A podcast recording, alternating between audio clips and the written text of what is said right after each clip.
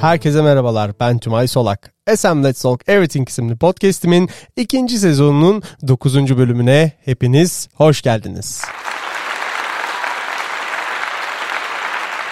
Bu hafta geçtiğimiz aylarda okuduğum Kur Savaşları, Siyah Kuğu ve Dalgaları Yönetmek isimli kitaplarda sözü edilen tarihte yaşanmış olaylara, olayların yaşanabilme olasılığına ve sürü psikolojisinden kurtulabilmenin yöntemlerine yakından bakıyor olacağız. Hızlıca başlayalım. İlk olarak yazar James Rickards tarafından kaleme alınan Kur Savaşları isimli kitaba dair notlarımı sizlerle paylaşmak istiyorum. Her ülkede siyasi bir mücadele olduğu gibi biraz tarih bilgisi epeyce öğretici olabilmektedir. Baktığımızda 20. yüzyılda iki büyük kur savaşı karşımıza çıkıyor. Birincisi 1921 ile 1936 yıllar arasında neredeyse Birinci Dünya Savaşı ile İkinci Dünya Savaşı arasında yakında ilişkili olduğu büyük bunalımı içeren süre boyunca devam eden Birinci Kur Savaşı'dır.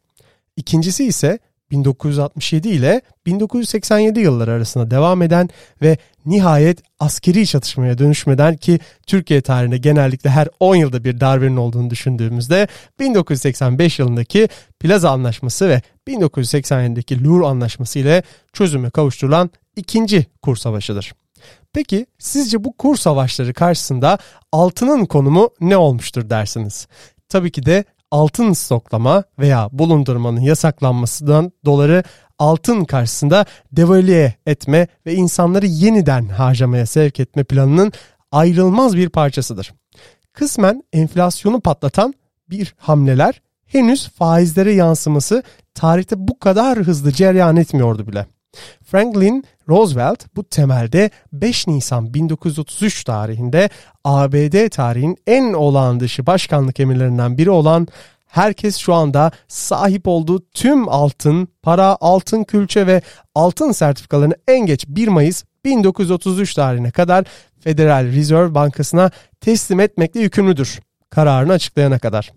Hal böyle olunca altının fiyatı dolar karşısında düşmeye başlarken yeni nesil kriz olarak tabir edebileceğim dolaylı vergilerdeki artış günümüzde de karşımıza çıkmaktadır. Sırada yazar Nesim Nicholas Taleb tarafından kaleme alınan Siyah Kuğu isimli kitaba dair notlarımı sizlerle paylaşmak istiyorum.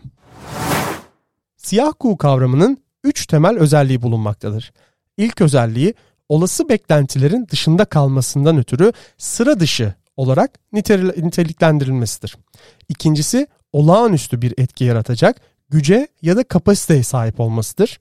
Son özellik ise beklenmedik bir durum söz konusu olmasına rağmen olay ortaya çıktıktan sonra insanlar tarafından açıklanabilir ve geriye dönük öngörülebilir hale getirecek bazı kanıtlanır ya da geçmiş olaylar üzerinden açıklama yapabilme halidir.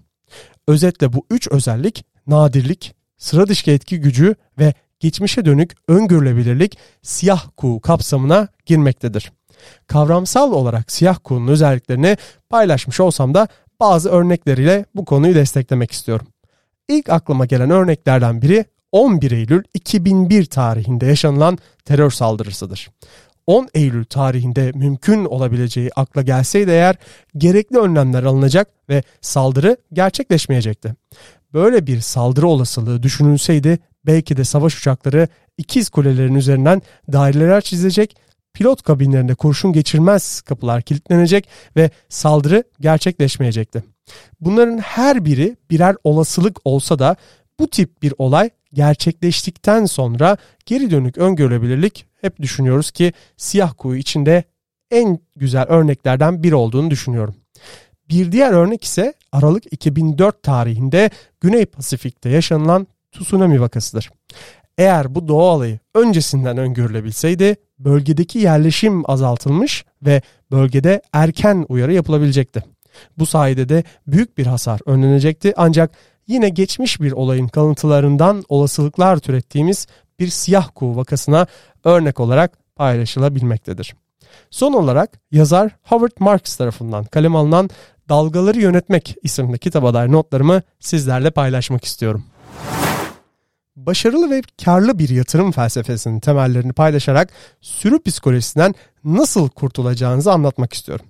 Öncelikle muhasebe, finans ve ekonomi gibi alanlarda teknik bir eğitim almanın ihtiyaç duyulan temeli oluşturacağını göz ardı etmemek gerekiyor. Bu eğitimler bugününüz için değil, gelecekteki refah seviyenizi oluşturacağını unutmayın. Ardından piyasaların işleyişleriyle ilgili görüşleri edinmeniz, bilgileri yorumlayabilmeniz için önem arz etmektedir. Unutmayın, görüşleri yatırım öncesi almaya başlamalısınız. Yol boyunca da o görüşleri yenilerini ekleyerek yatırımlarınızı her daim canlı tutmalı, geliştirmeli ve yeniden biçim, biçimlendirilmelisiniz. İlgili görüşlerin birçoğu okuduğunuz kitaplardan ve makalelerden geleceğini unutmayın.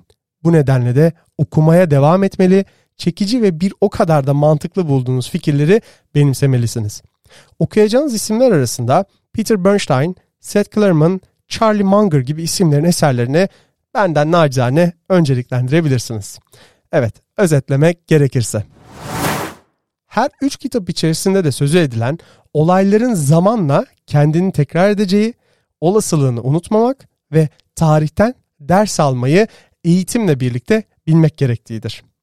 Evet, bu haftalık da benden bu kadar. Umarım sizler de benim kadar keyif alıyorsunuzdur. Yorumlarınız için bana mail atabilir veya LinkedIn üzerinden iletişime geçebilirsiniz. Gelecek hafta görüşmek dileğiyle. Hoşçakalın.